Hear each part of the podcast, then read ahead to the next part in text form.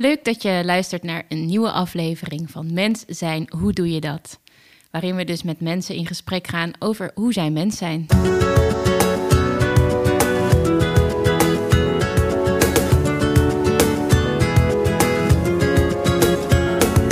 Mens zijn.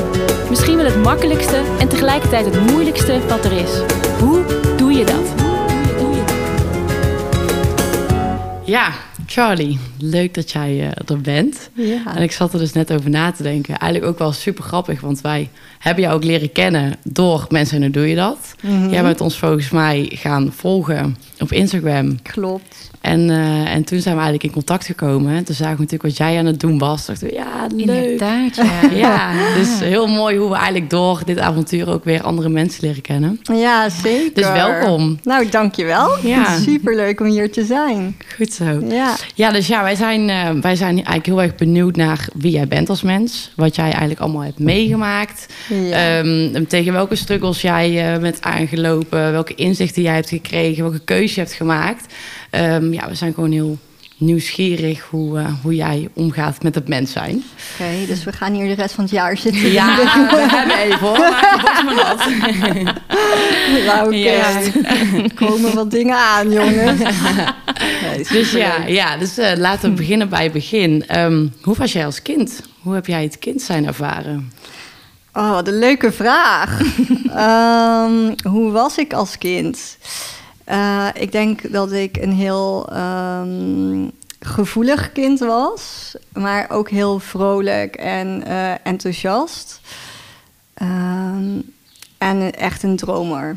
Als ik aan mijn moeder vraag van hoe, ehm, hoe was ik als kind, dan zou ze denk ik zeggen van jij was eigenlijk altijd in een andere wereld. Dus Mhm. ik was toen al heel erg aan het dagdromen en heel erg bezig met fantasieën en eh, ehm, met spelen. Ja, ik, eh, ik was wel een dromertje als kind, zeker. En uitzicht dat dan ook voornamelijk in dat je ehm, veel ook een beetje een Einzelganger of zo was? Of, of meer gewoon, je kon heel gemakkelijk lekker in jezelf zitten en voor je uitkijken? En, eh, Ja, nee, ik was absoluut een sociaal kind. Ja, ik ehm, eh, had altijd veel vrienden om me heen. En ehm, ik was ook echt wel een beetje een leidertje voor mijn gevoel. Zeker op de basisschool. Op de middelbare school is dat wat minder geworden volgens mij. Maar ja, nee, ik, eh, ik, ik, ik heb dat nu nog steeds. Van, ik kan heel goed in mijn eigen wereld verdwijnen. En je kan mij ook zo in mijn eentje in een boshut zetten. En dan vermaak ik me echt helemaal prima.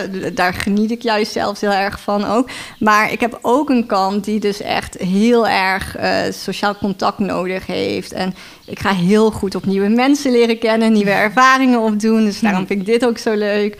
Dus ik ben, ehm, ik was als kind wel ook al heel sociaal. Ja. En ik heb dat ook wel echt eh, nodig. En toen ook. Ja, Ook echt wel mensen, mensen. zeker. Ja, dat heeft er echt vanaf jongs af aan wel in gezeten, denk ik. Ik was altijd bezig met eh, ja, andere kinderen spelen en ehm, contacten heel erg opzoeken ook. Dus nee, ik was denk ik geen verlegen kind, als ik het zo inschat. Nee. Ja. En wat, eh, wat, onder, wat maakte jou, eh, onderscheiden jou als kind van anderen?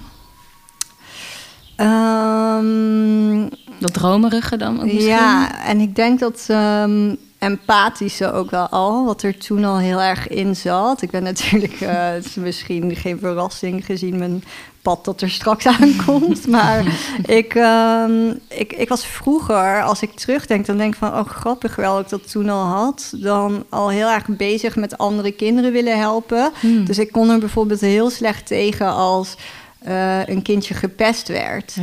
En dan was ik, en dan deed eigenlijk niemand wat. En dat stoorde me dan zo knetterhard dat ik dacht: hoe kan iedereen hier naar kijken? En dan zat ik als heel jong meisje eh, van eh, wat 1,30 meter of zo, kwam ik dan aangestormd. En ging ik tegen een hele groep grotere jongens zeggen Oh, dat ze moesten Ja. stoppen daarmee. En ik kon heel slecht tegen.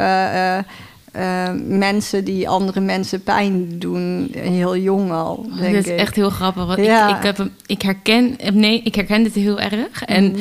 Ik, zit, ik zie ineens echt groep 8 voor me, waarin ik, ik weet ook nog hoe die heet, ik ga zijn naam niet. maar dat, wat, er komt nu zo'n beeld bij me op dat ik iemand echt, dat, dat hij iemand aan het pesten was en dat ik hem, dat, dat diezelfde Mm. neiging had en dat ik Ja. ook echt een schop, echt letterlijk een schop onder zijn kont gegeven heb. Zo van, grappig, ik Ja, herken het ineens heel Het sterk. kan echt zo'n woede in je naar boven Ja. halen. En dat had ik al van hele jonge leeftijd. Maar ik denk dat dat dus ook met dat gevoelige te maken heeft. Mm, dat, ik dus, ehm, ja, dat ik eh, heel erg de, het, het verdriet van degene die gepest werd voelde. Mm. Dus dan, eh, ja, dan vond ik dat zo erg. Dan dacht ik, nee, eh dat kan gewoon echt niet. Daar kon je zo in verplaatsen. Ja, dat ja. heel erg. Dus dat gevoelige was wel in combinatie met er dan wel aan willen doen ook direct. Ja. Dat was wel, denk ik, wat mij onderscheidde van andere kinderen. En heeft dat ook keuzes beïnvloed die je, weet ik veel, je in die tijd gemaakt hebt of op de middelbare school? Ehm, ja, nou ja, ik denk dat, ehm, dat wat het vooral beïnvloed heeft, is dat ik merkte dat ik dus echt heel graag mensen wilde helpen. Hm. Dus dat dat zaadje eigenlijk vanaf heel jong er al in zat. Dus het was eigenlijk altijd of mensen of dieren eigenlijk. Mm. Dus ik was aan de ene kant altijd bezig met zieke vogeltjes naar huis slepen. Oh ja. Echt zo erg dat mijn moeder op een gegeven moment gewoon maar vast een nestje in de tuin heeft gemaakt. voor wanneer ik weer met een zieke vogel aan kan kakken.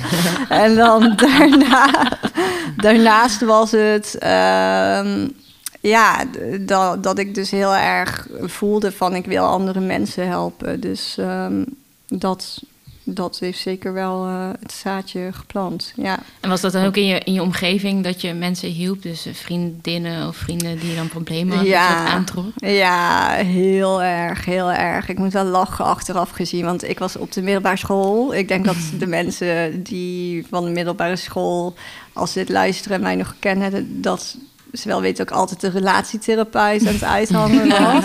Dus ieder, maar iedereen kwam ook wel echt naar mij voor advies. Wat moet ik doen? Ja, nee, ik weet nog heel goed met een vriendinnetje, zij gaat lachen als ze dit hoort, dat ik op een gegeven moment haar ehm, MSN Messenger wachtwoord heb gekregen. Kan je MSN nog? dat ik echt een heel gesprek. Volgens mij heb ik gewoon de eerste dates van haar verkering verzorgd. Weet je. dat ik echt letterlijk van. Hij had eigenlijk gewoon verkering met mij. Maar. En dan later liet ik het los en was het oké, spread your wings. Wat grappig. nu is het jouw tijd. En eh, is dat een langdurige relatie geweest? Nou, ja, nou, volgens mij die toevallig wel. Maar ik deed dat dus met meerdere vriendinnetjes. Wat wel grappig is, want ik neem nu nog steeds wel eens de date-accounts over van dating-apps van mensen. Maar ehm, wat dus heel grappig daaraan was, was dat ik had zelf nooit lange verkeringen op de middelbare school. Ik had echt een, een attentiespan van nul. Na drie maanden was het gewoon weer, oké, ik ben verveeld, eh, weer door.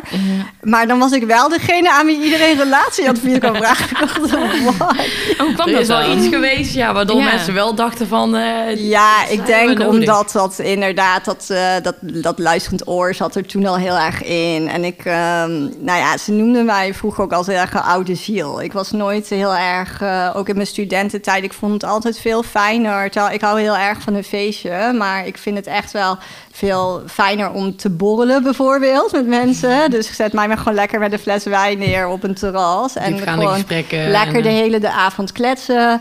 En dat had ik op de middelbare school ook al. Dus toen dan kon ik toch, denk ik, misschien wat meer dan andere leeftijdsgenoten doorvragen. En ik wilde Echt gewoon echt oprecht weten hoe het met mensen ging. Ja, ik ging toen al helemaal niet goed op oppervlakkigheid. Dus ehm, ja, ik denk dat dat het was Ja. eigenlijk. Ja. Ja, grappig. en eh, heb jij, eh, toen je kind was, was je er toen al bewust van dat je dus gevoeliger was? Ehm, ik weet niet of ik er. Ja, ik denk wel dat ik er toen al bewust van was, eigenlijk. Omdat. ehm, ja, dat merk je ook gewoon aan je reactie van. Ik kon. eh, of reactie van mijn ouders bijvoorbeeld. Dat. Ik kon echt huilen als ik mijn borstel niet kon vinden, bijvoorbeeld.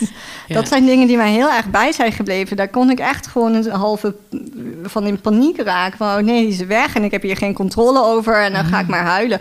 Of als ik een vriendinnetje af moest bellen en dat, eh, dat ik dat dan toch zelf moest doen. Wat heel goed is, want eh, hè, je moet een beetje uit je comfortzone treden. Maar dan moest ik echt huilen dat ik zelf moest bellen. Ja, dat soort dingen was ik wel bewust van. Van goh, dit is misschien wel een vrij intense reactie op zoiets kleins, weet je. Ja, dat je het wel Ja. intenser voelde dan anderen. Ja, zeker. Ja. Ja. En heeft het gevoelige je ooit belemmerd? Tegengezeten? Ehm, nou, ik denk dat je het vooral heel moeilijk voor jezelf kan maken ermee. Ik denk niet dat het me echt belemmerd heeft in het leven. Ehm, maar ik denk wel dat ik eh, echt heel erg in mijn hoofd kan leven dan en malen. En eh, dat ik ehm, me net iets sterker dingen aantrek misschien dan anderen. Eh, ik denk dat je het jezelf heel zwaar kan maken. Kijk, ik, ik ben natuurlijk een heel positief persoon ook. Dus ik focus dan heel erg op wat er wel allemaal kan en wel mogelijk is. Maar zeker eh, kan je je dingen heel erg persoonlijk gaan aantrekken. Waar En andere heb je een, eh, mensen... een voorbeeld van hoe je het jezelf moeilijk hebt gemaakt in die tijd? Ehm, nou, ik vond het bijvoorbeeld op de middelbare school wel echt heel lastig om in een groep te functioneren. Dus ik zat altijd in een superleuke meidengroep. En, eh, ehm, maar ja, daar gebeurde zoals op iedere middelbare school ook een heleboel drama. En ik was gewoon veel gevoeliger voor roddels bijvoorbeeld. Dat trok me echt heel erg aan. En ehm, ja, op een gegeven moment merk je dus dat je gewoon ja, heel gevoelig bent daarvoor. Waar andere mensen misschien kunnen denken, ja, het is de middelbare school. Maar ik keek echt zo erg uit naar die fase dat ik daar uit kon. Omdat ik was voor mijn gevoel gewoon al een paar stappen verder. Ik weet niet, ik kon heel erg goed toen al in de toekomst kijken van dit gaat niet altijd zo zijn. Dus waarom moet ik hier nog zijn? Weet je wel, dat gevoel van waarom moet ik deze hele middelbare schooltijd nog doorheen? Terwijl ik kan al lang zien dat ik in de toekomst eh, hele andere vriendschappen ga hebben. Dat ik ergens anders ga wonen. Dat kon ik al heel helder zien. Dus En, en voelde dat een beetje alsof je vast zat dan in zo'n middelbare ja, school? ja, ik heb die periode op een gegeven moment wel echt als vastzitten in een hele, eh, ja, voor mijn gevoel toch wel vervelende situatie. Dat ik dacht, ja, ik wil, eh, ik wil gewoon verder met mijn leven eigenlijk. Dat Ja, was het. Want ja. wat was dan de vervelende situatie? Hoe Nou, ehm, ik denk dat het goed is eh, om erbij te vermelden dat op mijn twaalfde heeft mijn vader zelfmoord gepleegd. Dus dat was eigenlijk ook het kantelpunt dat. ehm, ik weet niet dat die gevoeligheid echt extra versterkt werd nog. Dus dat ik echt merkte van wow, dit. ehm, ja, het leven kan zo verrot zijn. dat, ja, dat voel je uiteraard heel sterk op zo'n moment. Maar tegelijkertijd is dat ook een van de belangrijkste kantelmomenten in mijn leven geweest. Dat ik echt mezelf heb toegesproken van... oké, Charlie, je kan nu twee kanten op. Ik herinner me dit echt nog haarscherp. Maar ik vraag me altijd af of dat was toen ik twaalf was al... of dat ik dat erbij heb verzonnen. Maar ehm, eh, je, je kan er nu voor kiezen om dit als een moment te zien... dat voor de rest van je leven je leven heeft verpest... Hè, want er zijn ook veel mensen die dat de rest van hun leven meeslepen en daardoor echt niet meer vooruitkomen. Of je kan gaan kijken van oké, wat kan ik hier uithalen en hoe kan ik andere mensen hiermee helpen. Ik had eigenlijk direct al een soort van calling gevoel of zo. Van oké, dan is het echt mijn purpose om andere mensen te gaan helpen die ook zoiets verdrietigs hebben meegemaakt. Ehm, dat, dat dacht ik toen nog heel erg. Ik ben wel de hulpverlening ingegaan, maar de doelgroep is wat anders geworden. Maar ik denk dat die ervaring heeft mij zo snel volwassen gemaakt. Echt een soort van kanonslag geweest. Dat ik echt eh, voor mijn gevoel lichtjaren vooruit was. Ehm, dat ik heel snel de belangrijke dingen in het leven kon gaan zien. En dat, ja, terwijl als 15-jarig meisje ben je ook gewoon een 15-jarig meisje. En dan horen middelbare schoolperikelen er gewoon bij. Ja. Maar ik kon toen al heel erg boven mezelf uitzweven. En denk van ja, wat een bullcrap is Ja. dit? Waarom? En ook een beetje Ja. eh, eh, waar het nou eigenlijk om gaat of zo. In, in Ja, waar het gaat het over? Ja, dat. Omdat je ja. op zo'n jonge leeftijd eigenlijk met zo'n zwaar Ja. Ja, hoe zeg je dat? Een Ja, bepaald thema. De moeilijkere kanten van het Ja, leven te maken Exact, krijgen. eigenlijk, ja, dat is Ja. het. Ja. Ja. De hardere donkere zeker, kant ja. te zien krijgt, die er dus Ja. ook is. En, en Ja, er enorm. normaal meer in een middelbare school wat meer wat oppervlakkigheid. Eh, Als je er nu naar terugkijkt. zeg maar. Nogmaals, wat, heel, Dan- ja. wat helemaal bij die fase in je leven hoort. Ja, hè? Dat is niet dat die eh, andere eh, vriendinnetjes met wie ik omging... dat die het bij het eh, onjuiste eind hadden. Nee, er is geen goed of fout. Hun, Nee. Die leefden hun eh, normale puberleven, weet Ja. je wel. En zo hoort het ook. En wat deed het met jou dat jij, nou ja, dus op die manier erin stond? Ehm, nou, ik voelde me wel heel eenzaam heel Ja. vaak op de middelbare school. En goed ik denk dat heel veel mensen dat ook helemaal niet door hebben gehad, omdat ik zo'n sociaal persoon was. En ik was eigenlijk altijd bezig met grapjes maken en erbij willen horen. Maar ik had wel een heel intern proces waar niemand wat van wist. En, eh, Want dat deelde je ook met niemand. nee, ik heb niet echt veel met eh, vriendinnetjes daarover gehad toen als ik me slecht voelde. Of, eh, nee. Hoe ben je daar toen mee omgegaan? Hoe Hoe uitzicht dat wel?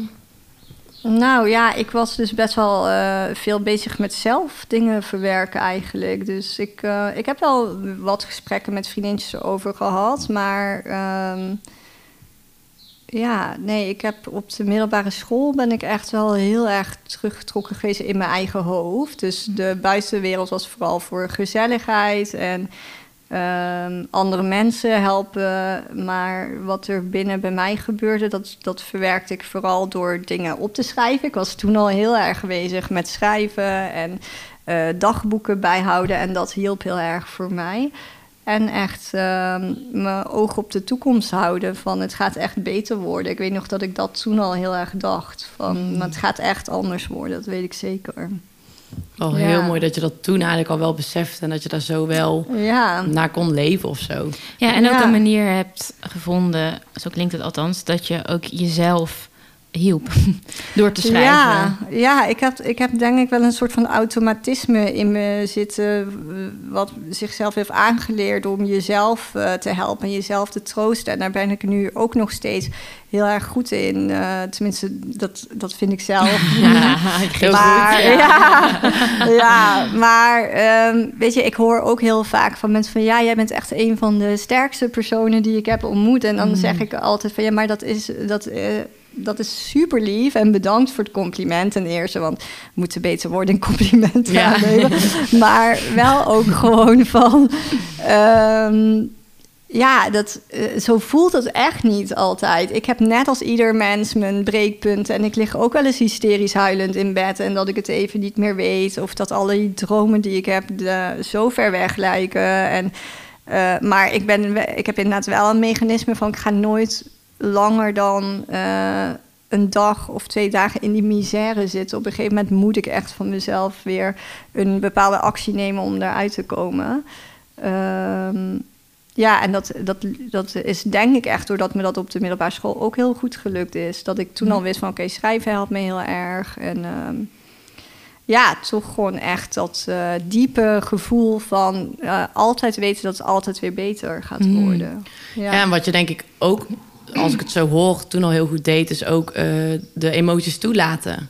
Ja. Dus eh, ja, wat heel veel kinderen of überhaupt mensen ook doen, is natuurlijk wegstoppen. Maar volgens mij was jij er al best wel bewust van, van hé, hey, weet je, het is ook Ja. oké om een rot te voelen en ik mag erover schrijven en het mag Ja. er zijn. En Ja, 100 procent. Ja. en ook gewoon inderdaad ehm, accepteren dat het gewoon zo is. Hm. En dat, dat was toen ook al heel erg. Dat ik wel gewoon kon zeggen van oké, nou ja, dan...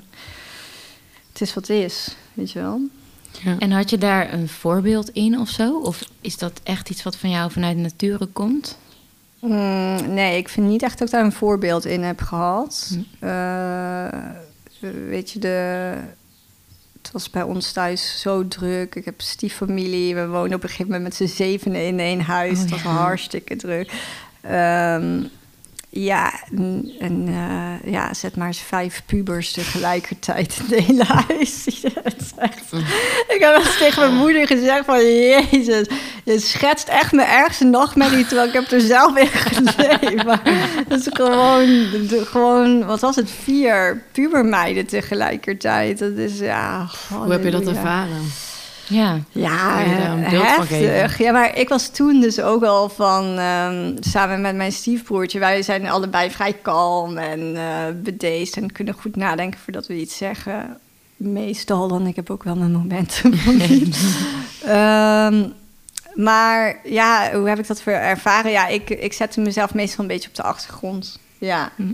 Ja. Ging je dan Want ook echt waar- in je eigen bubbel zitten, omdat je ook Ja. zo'n dromer... Ja, ik, ik zit daar net aan te denken van. Ik denk dus, omdat jullie vroegen me net van hoe deed je dat? Ja, ik denk dus stiekem dat ik heel erg gewoon in een andere wereld leefde. De helft van de tijd op de middelbare school. Kijk, nu zet ik dat heel bewust in van visualiseren. Maar eh, vroeger deed ik dat gewoon automatisch. Dan zat ik op school en dan zat ik gewoon te dagdromen over alles wat er daarna ging komen. Was dat ook al voordat je vader overleed? Ja, jawel. Ja. Dat heeft er dus altijd wel in gezeten. Ja. ja. Want is het ook misschien een soort kopingsmechanisme ge- geweest? Dus dat, je, dat het ook een hele prettige, eh, ja, hoe zeg je dat? Een Bijna soort van ontsnapping. escape ja. van reality, ja, dat denk ik zeker. Mm. Maar ik denk wel ook dat het gewoon al een soort van eh meant to be was. Als ik kijk naar mijn pad nu, dat ik als kind al zo goed in een andere wereld kon verdwijnen. Ja. Ik geloof daar wel in dat alles met een reden gebeurt. En Mm. eh, zeker dat ehm, nu, ja, dat ik daar nu zo gebruik van maak. En denk van het is gewoon een natuurlijk mechanisme voor mij. Mm. Ehm, maar ik heb het zeker ingezet op de middelbare school. Onbewust wel. Ik heb dat absoluut niet doorgehad. Nee. Maar het is denk ik wel vaak mijn redding geweest in de wetenschap.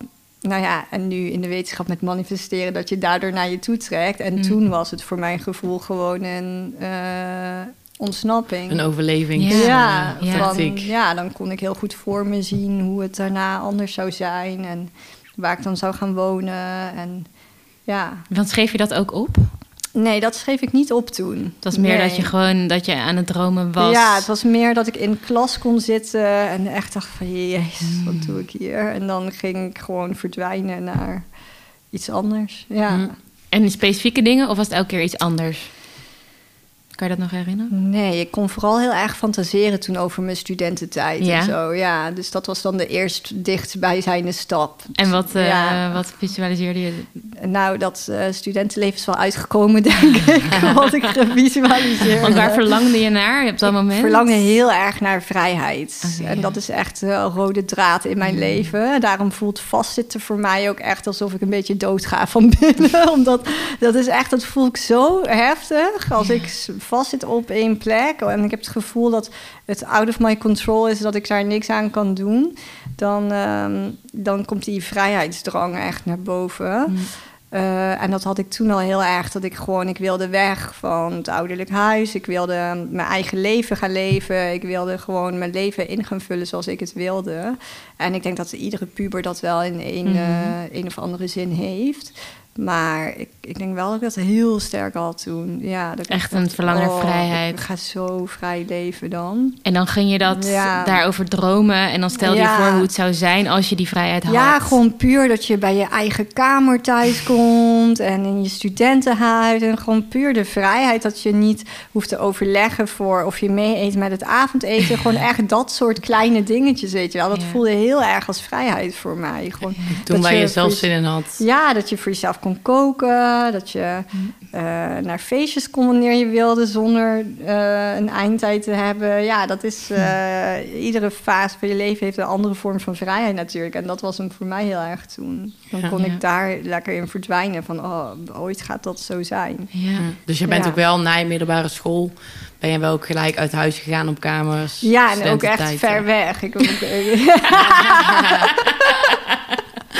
Ja. Wegwezen hier. Ja, ik had echt Die kwam heel ook echt erg van...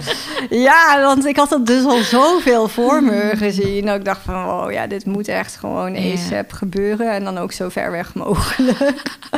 Terwijl ik vind Limburg, ik kom uit Limburg eigenlijk. Maar dat, dat vind ik nu een hele fijne plek om terug te komen. Want het leven is zo anders daar. Maar ik ben toen dus van Heerlen naar eh, Utrecht verhuisd. Ja, dat is echt een andere wereld waar je in terecht komt dan. Hm. Ja. En wat heeft Wat- dat met je gedaan? Ja. Ja, dat was echt. ehm, nou ja, het- het studentenleven is sowieso één grote ontdekkingstocht natuurlijk. En dan. ehm, ja, je leert jezelf wel heel goed kennen, denk ik. Maar ik had toen al heel erg. ehm, eh, de drang om heel veel nieuwe mensen te leren kennen. Dus ik heb bijvoorbeeld wel bij een studentenvereniging gezeten ook. En toen het eerste jaar zat ik bij een studentenvereniging die echt totaal niet meer bij mij paste ook. Want ik merkte dat ik toen weer heel erg meegezogen werd in uh, dat heel veel vriendinnetjes van de middelbare school daar ook bij gingen. En ik voelde gewoon dat dat heel erg knaagde aan me na een paar maanden. Van ja, maar dan, dan loop je dus nog steeds Als daar de oude rond. Charlie En- ook daar. ja, en ik had zo'n behoefte aan een nieuw begin. Dat Mm. voelde ik heel erg van binnen. Dus op een gegeven moment ben ik daar toch mee gestopt. Ik kon, ik kon gewoon niet zo aarden daar met ehm, de vorming van die jaarclubs en zo. Het lukte gewoon niet. Dus toen heb ik nog een tijdje gedacht van misschien is eh, een studentenvereniging dan gewoon niks voor mij. En toen dat eerste jaar in Utrecht was best wel heftig. Want je denkt van yes, freedom. En je zit ook gewoon in je eentje op je studentenkamer van acht vierkante meter, Ja. weet je wel. Dus dat was. En heel veel vriendinnetjes wonen nog bij hun ouders. Dus die Ja. konden dan ook niet langskomen. Dus eh, het eerste jaar heb ik heel erg getwijfeld om toch terug naar Ja. Limburg te gaan, maar dan naar Maastricht. En is het niet ook zo dat je het zo had op een bepaalde manier had voorgesteld? Omdat je jarenlang, als ik je zo hoor, echt hebt gevisualiseerd hoe het zou zijn om vrij te zijn. Mhm. En dus ook echt je eigen keuze te kunnen maken. Ja. Dat als je op een gegeven moment daar ook echt in zit, dat de realiteit dan misschien een beetje tegenvalt. Ja, dat was denk ik wel zo. Ja. Het eerste jaar voelde het heel erg als één grote zoektocht van wat wil ik nou? Oh, nou, nu Is dit zit, het dan? Ja, nu zit ik hier en nu is het helemaal yes, ik kan mijn eigen pasta klaarmaken. Ja, letterlijk iedere avond een omelet eten. Met een tosti of zo, weet je wel. Dat is echt mijn go-to maaltijd op een gegeven moment. maar ehm, ja, dus dat had ik denk ik wel een beetje eh, geromantiseerd. Maar uiteindelijk heb ik wel het studentenleven gehad... wat ik gevisualiseerd had, helemaal. Tot in de details en meer. Dus ehm, En dat was? Ja, hoe zag dat eruit? ja, ik heb gewoon zo'n leuke studententijd gehad. Ik ook helemaal te stralen. Ja, dat was echt. eh, Ik heb niks te klagen gehad daarin. Dus ik ben uiteindelijk het tweede jaar weer bij een andere studentenvereniging gegaan. En daar heb ik echt vriendinnen voor het leven gevonden. Die spreek ik nu ook. Ik ga volgende week een weekje met hun op vakantie. En ehm, ja, dat voelde gewoon helemaal als mijn thuis. En dan niet de studentenvereniging zelf, want daar was ik eigenlijk niet zoveel te vinden. Maar het ging mij dus weer echt om die verbinding. Die connectie, ja. Maar ik woonde ook in een, in een studentenhuis op eh, de IBB heet dat. De Utrechtenaren, die kennen dit wel, Utrechters. Het is altijd eh belediging de als je mensen dit uit zegt. Utrecht. De mensen uit Utrecht. Die, ehm, eh, ja, die... Dat was zo'n leuk huis. Dan zat je dus met 15 man, echt superveel, eh op één gang. En had je gemeenschappelijke woonkamer. En daar heb ik eh, ook mijn eh, inmiddels ex, waar heb ik tien jaar een relatie mee gehad, ehm, ontmoet. En dat, ja, dat, dat was gewoon echt fantastisch. Zoveel, eh, zoveel verschillende soorten mensen. En ik deed toen ook al de opleiding maatschappelijk werk. Dus ik was ook heel erg bezig met menselijk gedrag. En ja, dat huis was gewoon één Eén grote leerschool. Weet je wel. Dat je dacht van oké, die reageert weer zo ergens op. En die vindt dit belangrijk. En hartstikke goor uiteraard. Weet je wel. Dat er echt een soort wedstrijd wordt gemaakt van wie de hoogste afvalstapel kan maken. Dat de eierschalen nog erbovenop getorend wordt. Dat is echt super smerig. Maar dan wel heel beledigd zijn ook als er bezoeken langskwam en die het vies noemde. Oh ja. Van, nou, dan ga je toch lekker naar je eigen huis. Ja.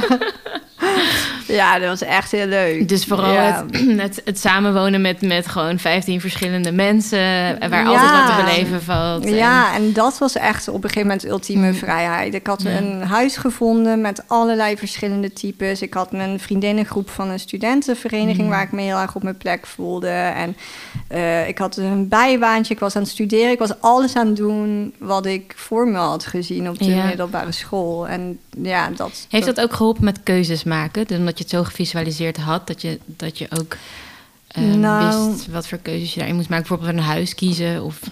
Nou ja, weet je wat het is? Ik was toen nog helemaal niet bezig met eh, visualiseren. Hmm. Is Hè? Dat is echt iets ja. van de afgelopen anderhalf jaar. Ja, ja. Pas dat Love Attraction zo op mijn pad is gekomen. Maar ik was toen helemaal niet daarmee bezig. Hmm. Eh, dus Meer achteraf dat je denkt... ik van, weet oh, het nu ja. achteraf, dat ik die technieken al heel lang gebruik... die Ja. ik nu leer aan andere mensen. Maar dat was toen niet iets waar ik mee bezig was. Nee, dus ik denk wel... ehm, eh, ja, dat ik wel veel momentjes heb gehad dat ik heel gelukkig was. En dacht van, oh, zie je wel. Ja. eh, En ook is gelukkig allemaal momentjes ook weer een bevestiging van... eh, ja, dit is eh, Ja, goed, dat, goed, ik, dat ik in de woonkamer zat in mijn nieuwe huis en we lekker plaatjes aan het draaien waren tot drie uur s'nachts. En eh, het ene pakje sigaretten naar de andere dat is super goor. Maar ehm, ja, dat waren wel momenten dat ik daar echt heel erg in kon verdwijnen van... ehm, ja, kijk nou, nu zit je hier super gelukkig te zijn. Ja. Ja. Wat heeft die studententijd met je gedaan? Ja, ik denk Wat dat dat echt eh, de basis is geweest voor hoe ik nu ben wel. Dat ik zo onwijs veel leuke mensen heb leren kennen. En het heeft me gewoon echt laten zien dat ehm, eh, ja, het leven zo kan veranderen. En dat echt iedere fase weer iets anders brengt. Want ik ben ook wel echt heel dankbaar voor de middelbare school bijvoorbeeld. Alles wat ik daar weer heb geleerd over mezelf. En ehm, het, het heeft me vooral geleerd, denk ik, dat, eh, hè, dat openstaan voor alles, dus ook heel veel nieuwe mensen, je echt heel veel kan brengen. Dat is denk ik de rode draad geweest in mijn hele studententijd. Ik wilde met zoveel mogelijk verschillende karakters omgaan eigenlijk. En dat is heel erg gelukt. En ehm, nou ja, ik denk ook dat ik eh, vriendschappen echt super belangrijk vind. Dat kwam tijdens mijn studententijd ook Mm. heel erg naar voren. En dan is ook die diepgang daarin. Die diepgang daarin, ja. Ja, dus... eh, Dat je echt verbonden voelt met, met andere mensen. En ja, Ja, Ja, ja. echt diepe connecties leggen. Ja, ik zat er even over na te denken. Maar ja, ik denk inderdaad dat dat eigenlijk wel de rode draad door mijn studententijd was ook. Gewoon eh, echt eh, vriendschap op nummer één. Je kon mij altijd bellen. Eh, ook daar was ik weer de huistherapeut. ja. Waarom, vond je, denken. waarom vond je dat zo belangrijk? Of waarom vind je dat belangrijk, vriendschappen? Ehm, nou, omdat ik altijd eh, het gevoel heb gehad dat ik toch wel anders ben soms dan de meesten. Ik denk ook wel anders, merk ik vaak. En je vrienden kan je gewoon heel erg uitkiezen.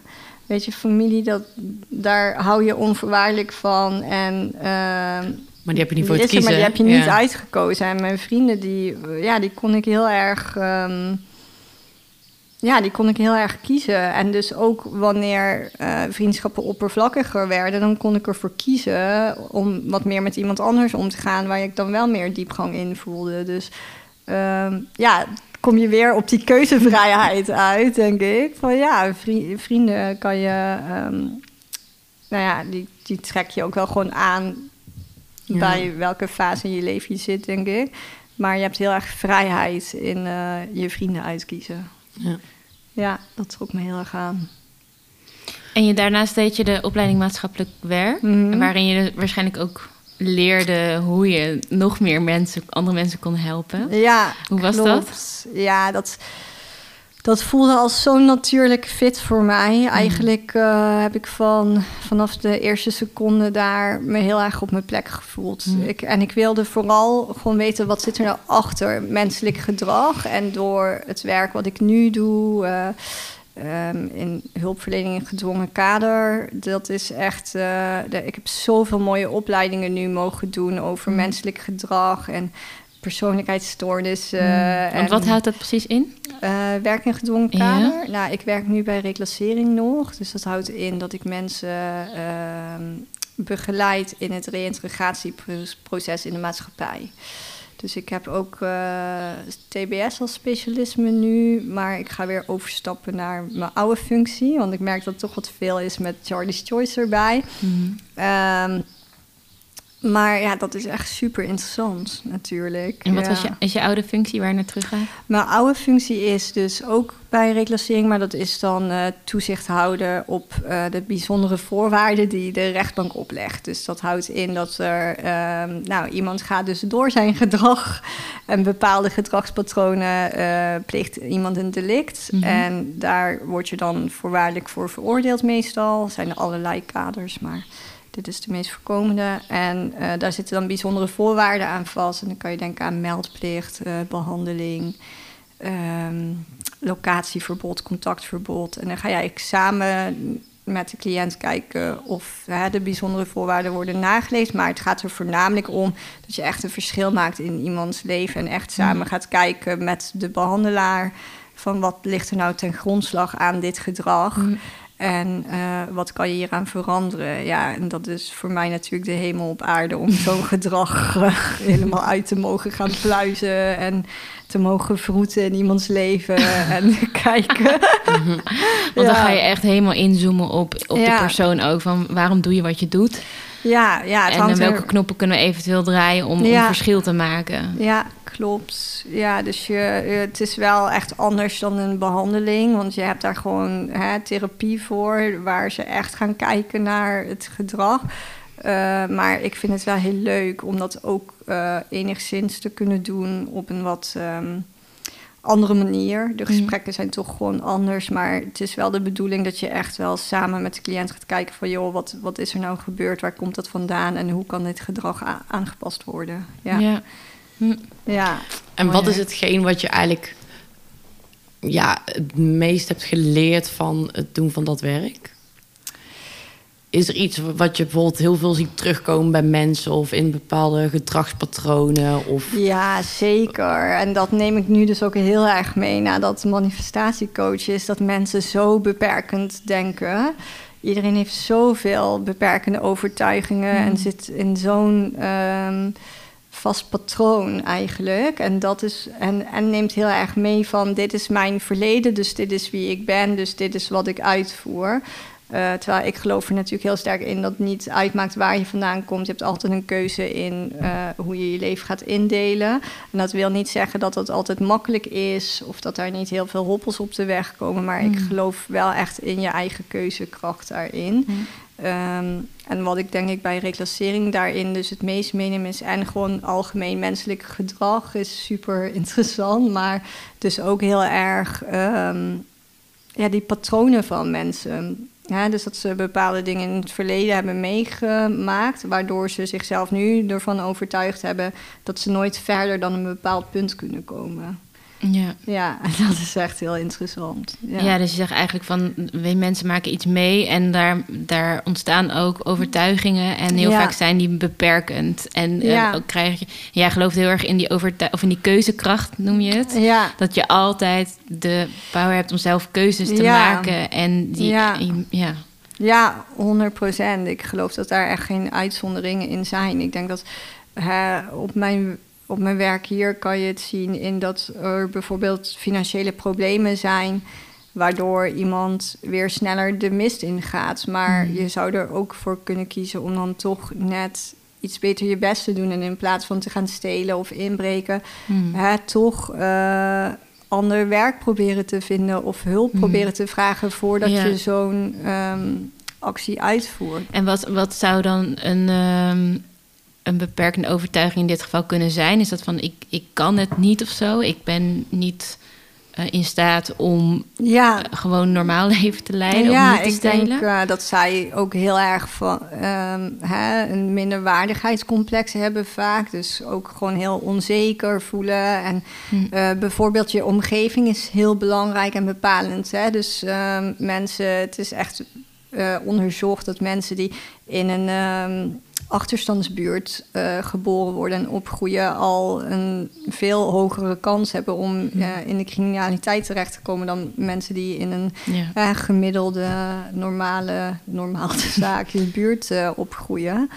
Ja. Um, maar ook, ook daarin heb je heel erg keuzes. Want er zijn ook genoeg mensen die in die achterstandsbuurt opgroeien en het hartstikke maken voor zichzelf. En een succesvol eigen bedrijf oprichten. En, uh, omdat ze juist denken van zo wil ik het niet. Precies, ja. precies. Dus die dat echt zien als hun kracht. Hè? Van nou, ik kom hier vandaan, maar uh, ik ga het anders doen. Ik ga het anders doen. Ik ga, ik ga degene zijn die dit patroon gaat doorbreken. Ik ga laten zien dat het anders kan.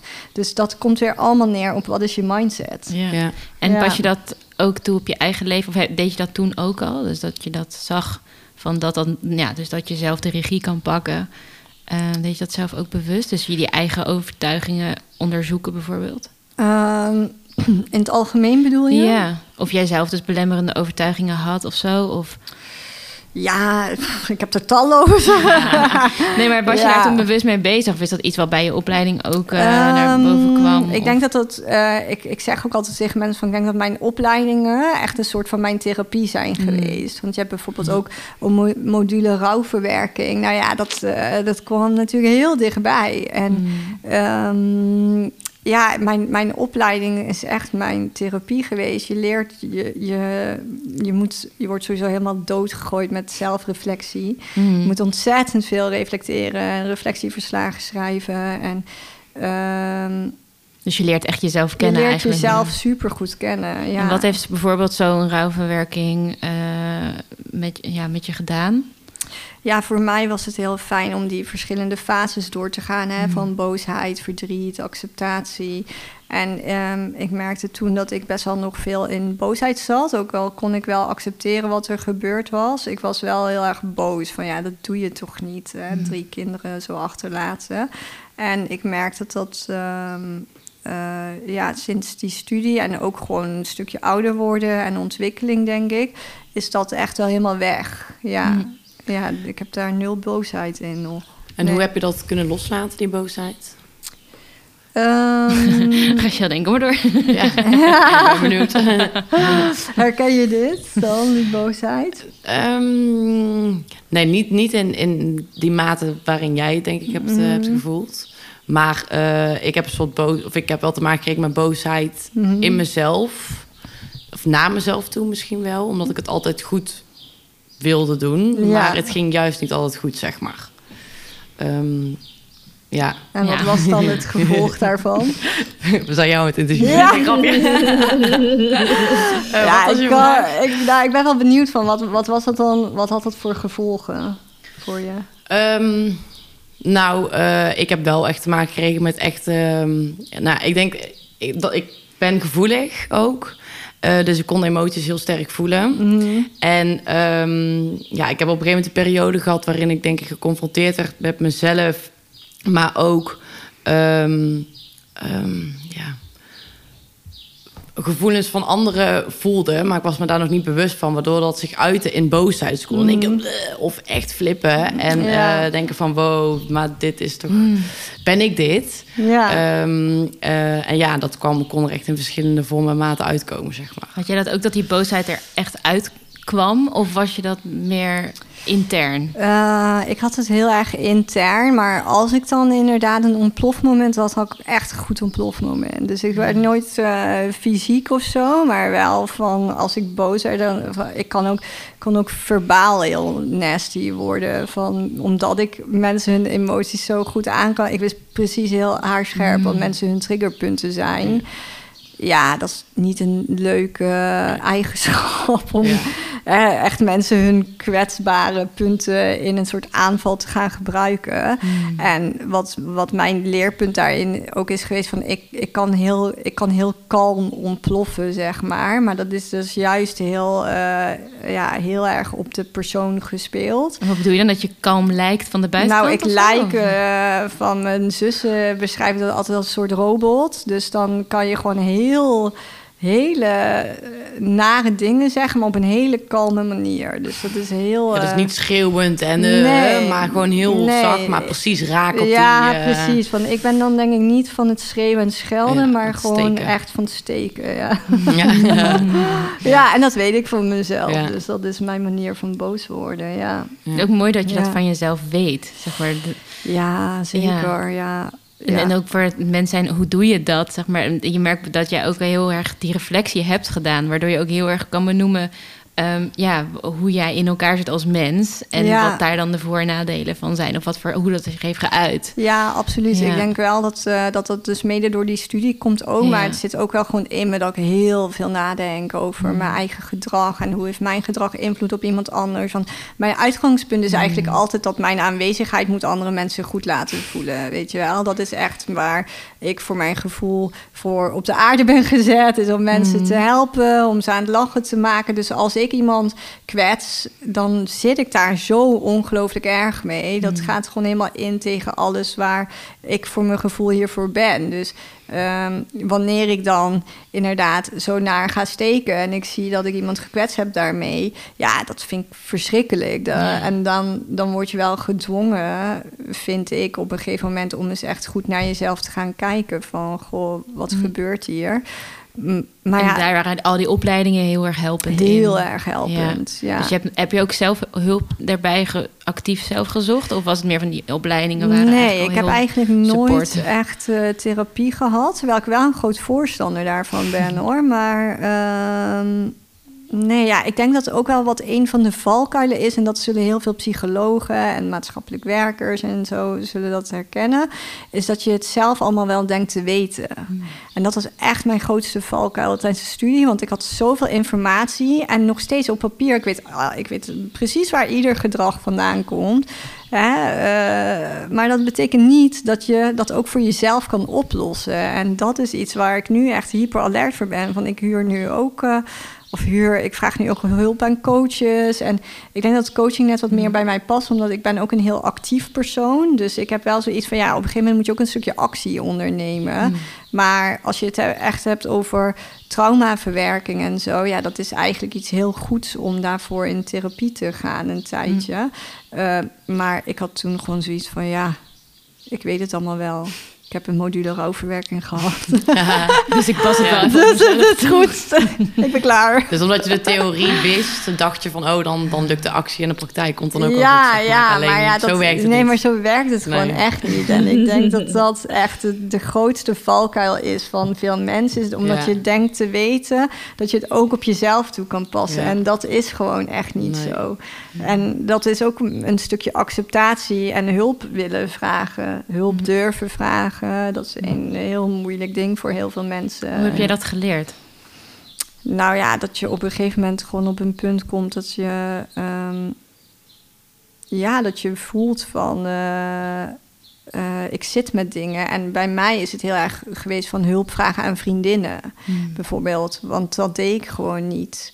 Of hulp vragen in mijn relatie toen er tijd. Uh, uh, ik ben echt best wel een heel moeilijk persoon om een relatie mee te hebben wat betreft um, hè, dingen als een team doen. Want ik ben zo gewend om voor mezelf te zorgen. Het is dus helemaal niet leuk als vriend.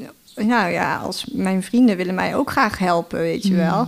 Uh, en ik ben echt een binnenvetter, omdat ik dus denk van ja, nee, maar ik weet wel wat ik moet doen om ja. hieruit te komen. Terwijl het kan zo opluchten om gewoon met iemand even te praten. Erover. Alleen al te praten eigenlijk. Ja. Ja, precies. En ik heb zeker nu, omdat ik zoveel in de hulpverlening werk en um, nu ook met manifestatie bezig ben en daarin komt ook heel veel shadow work bijvoorbeeld naar boven, dan heb ik juist behoefte aan gewoon even iemand die even iets heel nuchters tegen me zegt. Wat is shadow Nou, shadow work en inner child work, dat, is, dat komt bijvoorbeeld ook heel veel naar boven wanneer je wat meer in de spiritualiteit gaat verdiepen. Dat is dat je dus echt die uh, blokkades en beperkende overtuigingen echt gaat aankijken en echt opschrijft wat nou is en het zwart-wit op papier ziet mm. staan bijvoorbeeld en dat je echt helemaal in dat gevoel die schaduwkanten kruipt, in die schaduwkanten kruipt en dat is mm. wat heel veel mensen natuurlijk niet durven en niet doen maar dat je jezelf dus echt confronteert met oké wat zijn nou eigenlijk de wat zwartere kanten inderdaad van mij en mm. Uh, ook uh, dingen die je als kind graag had willen hebben qua gevoel van hoe voelde ik me toen. Dan kan je een bepaald plaatje inschetsen dat je, je misschien verdrietig voelde als kind en mm. hoe, wat had je toen als kind nodig gehad, wat had je graag willen hebben. Ja. Nou ja, ik heb dat nu dus zoveel gedaan en ik heb periodes dat ik het weer heel erg oppak en weer even laat liggen. Maar ik merk dat ik nu bijvoorbeeld in een fase zit dat ik heel erg behoefte heb aan een heel nuchter advies mm. juist. Dus iemand die me gewoon eventjes iets heel ja, iets heel grappigs vertelt. Of het juist heel makkelijk maakt. Of zegt van, joh, maak je niet zo druk. Weet je.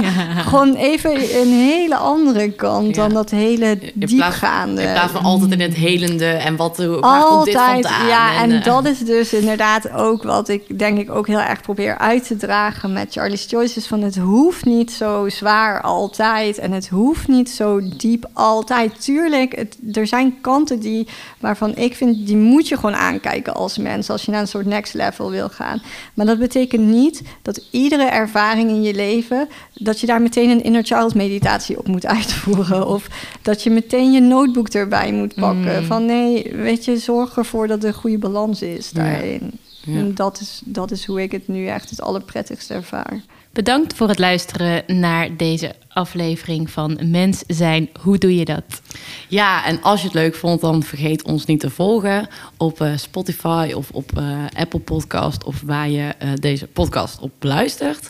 En ja, geef ons ook even sterretjes of zo. Dat is ook altijd leuk. Dat helpt ons toch ook alweer voor de vindbaarheid. En ja, en check onze website. Ja, en laat ons vooral weten wat je van de podcast vindt. Of je nog tips hebt. Um, vinden we allemaal hartstikke leuk om te horen. Ja, en de website uh, www.mensen En daar vind je ook onze Mensen en Hoe Doe Je Dat dagen die we ook nog organiseren. Yep.